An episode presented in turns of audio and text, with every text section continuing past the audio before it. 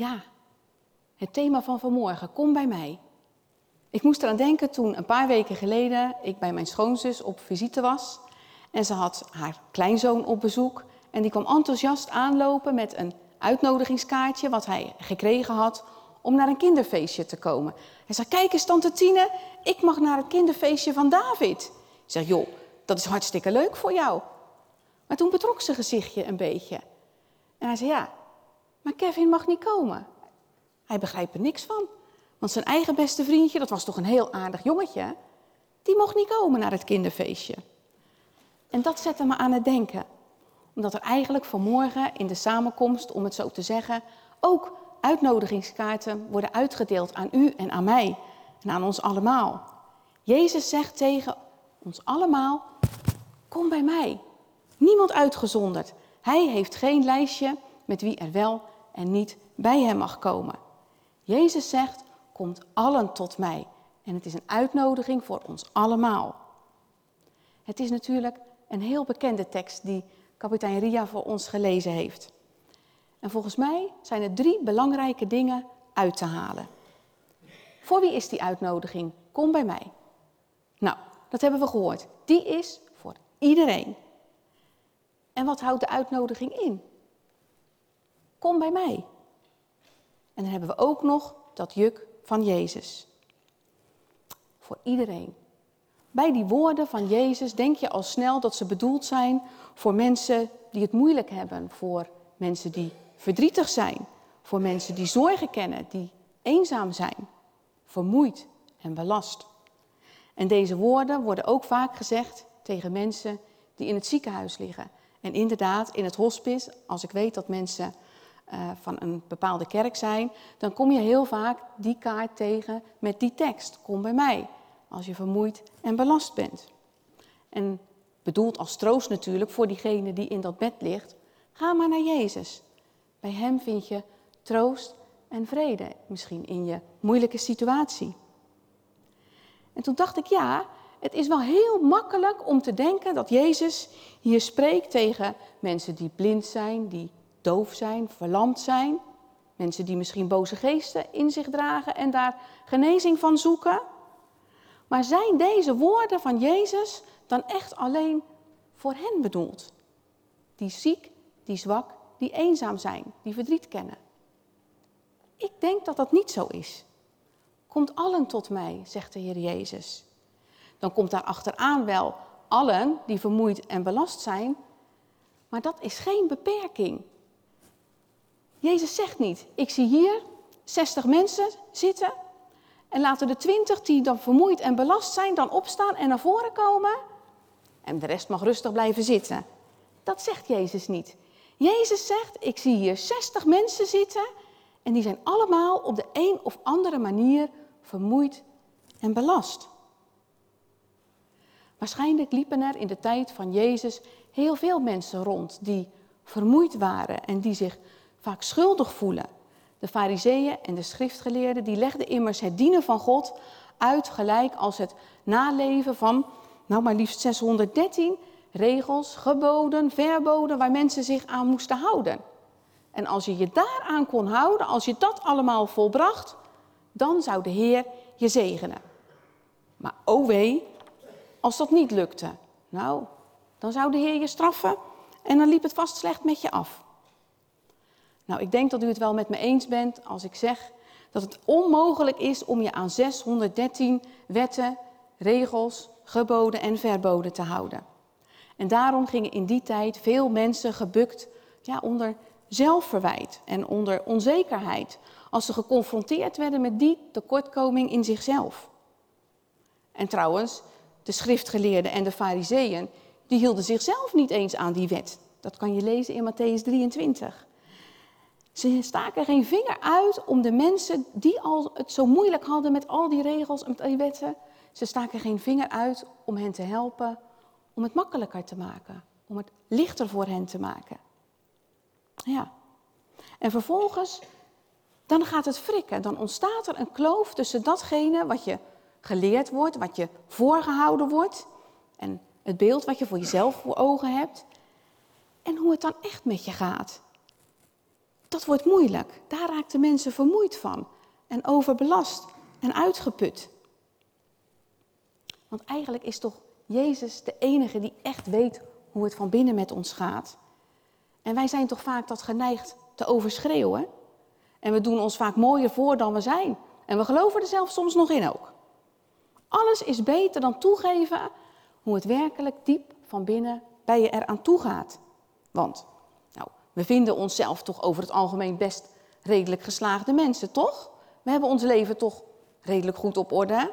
Ja, natuurlijk, het is overal wel eens wat. Maar ergens diep van binnen wint dan toch die gedachte, ja, maar het valt wel mee, het gaat best goed met mij.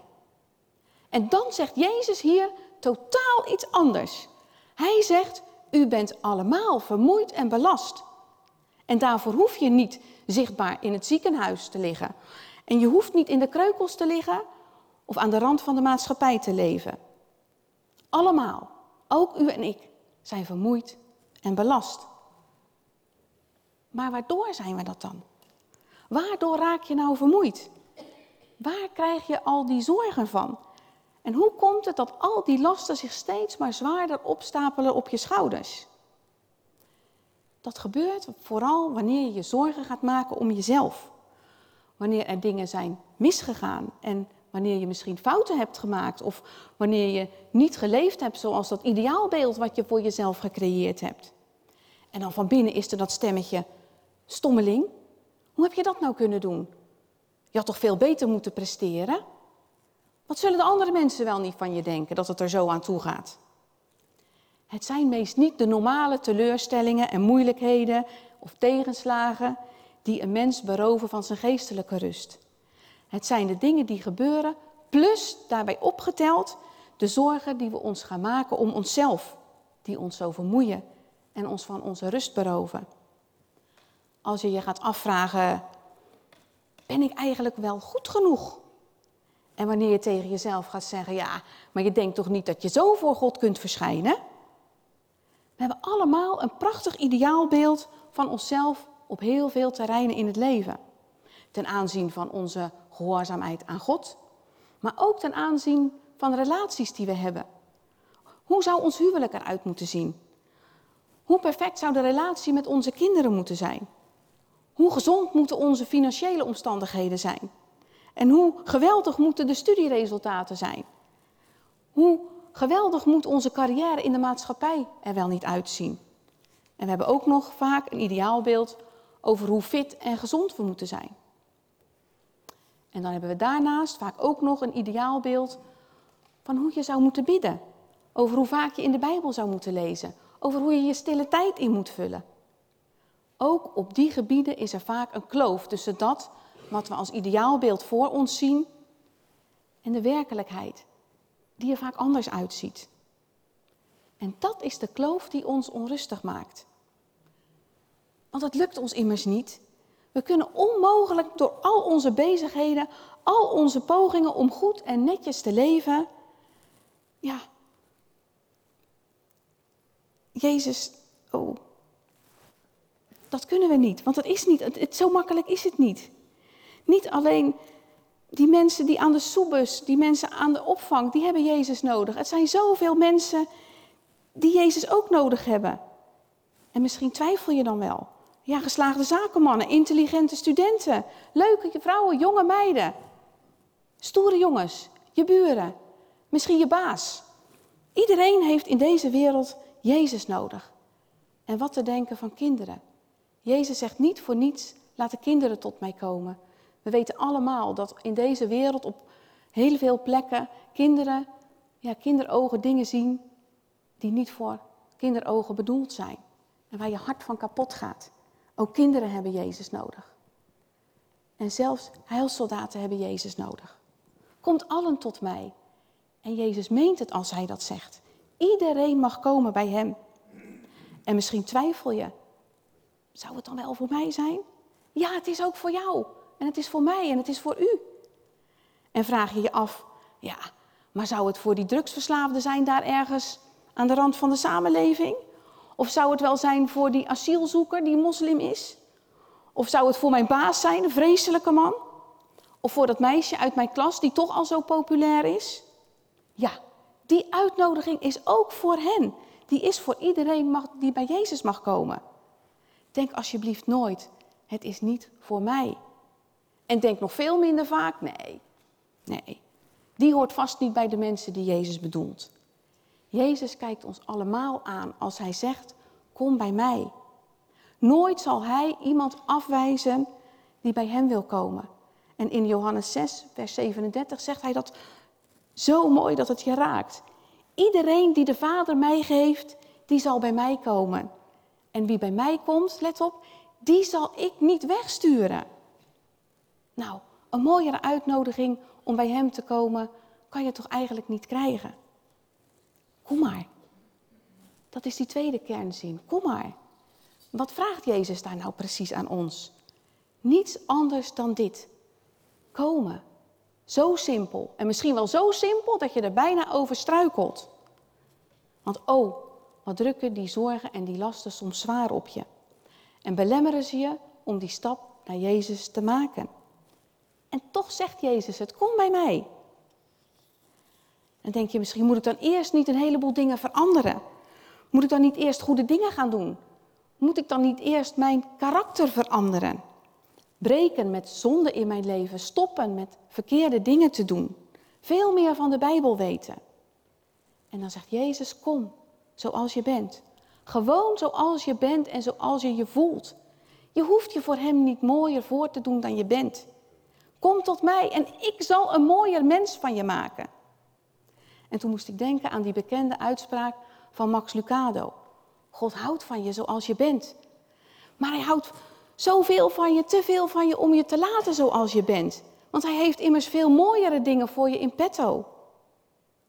Je hoeft je zonde en je moeite en je verkeerde dingen niet eerst tot in de grond, tot op de bodem van je bestaan te doorgronden. Kom maar bij mij en dan zul je gaandeweg wel ontdekken hoe je er echt aan toe bent. Ja. Je hoeft niet alles over de Bijbel te weten voordat je bij Jezus mag komen. Kom bij mij en als je dichter bij mij komt, ja, dan zul je niets liever willen dan mij steeds beter te leren kennen. Komen dus. Alleen maar dat. Eén stap. En dat is een heel andere boodschap dan je krampachtig proberen te forceren om aan al die 613 regels van die fariseeën en die schriftgeleerden te kunnen voldoen. Maar ik denk ook vandaag, wat wordt er vandaag vaak veel van mensen verwacht en wat wordt er vaak veel ja, mooie beelden gecreëerd waar we niet aan kunnen voldoen. En wat kan dat zwaar wegen op je schouders als dat niet lukt? Eenvoudig hè? Kom maar, zegt Jezus. Ja, kom maar, maar hoe doe je dat dan? Volgens mij gaat het hierom. Je handen openen en alles wat je belangrijk vindt, je eigen wijsheid, je eigen domheid, je eigen dingen waar je goed in bent, de dingen waar je slecht in bent. Als je dat nou uit je handen laat vallen, dan zijn ze leeg. En lege handen kun je vouwen.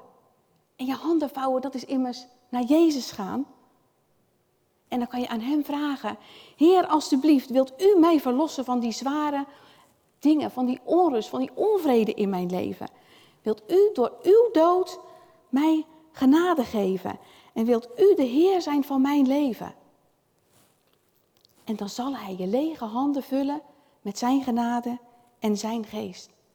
Ik vind dat zo mooi en zo liefdevol dat Jezus dat zegt. Kom, je hoeft niet eerst te veranderen voordat je bij Jezus mag komen. Want je gaat veranderen als je bij Jezus komt. Reken daar maar op. Vertrouw er maar op. Vertrouw er maar op. Vertrouw hem je hart en je leven toe. En natuurlijk, daar is nog veel meer over te vertellen. Over hoe je Jezus moet volgen. En over discipelschap. En over hoe je moet breken met die verkeerde dingen in je leven. En hoe je moet stoppen met zondigen. Maar als je dit niet begrijpt, dat je bij Hem mag komen, gewoon zoals je bent, dan vallen al die andere dingen ook niet op hun plek. Het gaat in de eerste instantie om komen, dicht bij Jezus. Dicht bij Jezus komen en je hart voor Hem openstellen.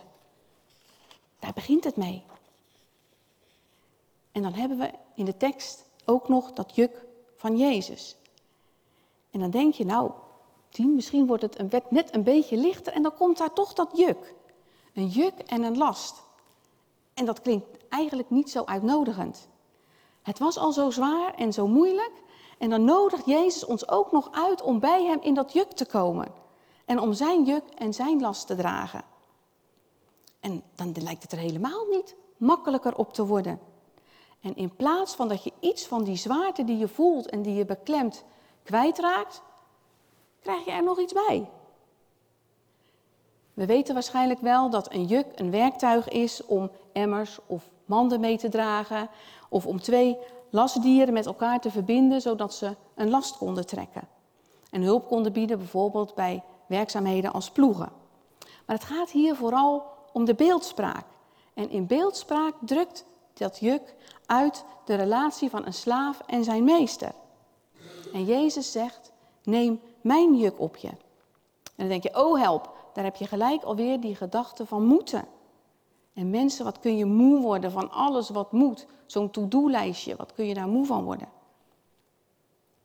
Maar als je naar Jezus gaat, dan denk je: Moet ik dan de Bijbel lezen? Moet ik dan voor alles bidden? Moet ik dan iedere dag Bijbelstudies doen? Moet ik dan vasten? Hoe gaat mijn leven er dan uitzien? Maar Jezus zegt hier nog iets. Mijn juk is zacht en mijn last is licht. En met dat zacht, daar bedoelt Jezus dat Hij het goede met je voor heeft. Wat Hij je daarmee aan wil reiken, is heilzaam. En een paar andere woorden voor heilzaam zijn genezend en zegenend. En Jezus vraagt iedereen die moe is, iedereen die gebukt gaat onder lasten, om bij Hem te komen. Omdat Hij je wil genezen, omdat Hij je wil zegenen. Jezus is onze meester, ja. Maar wij zijn geen slaven die door Hem slecht behandeld worden. Zoals in soms mensonterende, verdrietige toestanden die je op tv of in de media voorbij ziet komen. Een ander woord voor meester is immers ook leraar. En Jezus is toch de meest wijze leraar die ooit onderwees? En u en ik, wij. Wij mogen toch zijn leerlingen zijn? Jezus zegt immers, kijk nou naar mij en leer van mij. Kijk naar mij wat ik heb gedaan. En ik kwam iets heel bijzonders tegen in het deuterocanonieke boek Sirach.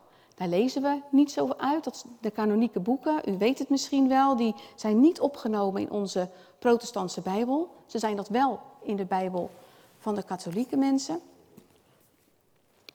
Maar daar worden prachtige dingen ingeschreven. En ze zijn niet in de Bijbel opgenomen omdat men uh, niet helemaal zeker soms weet wanneer ze geschreven zijn of waar ze geschreven zijn.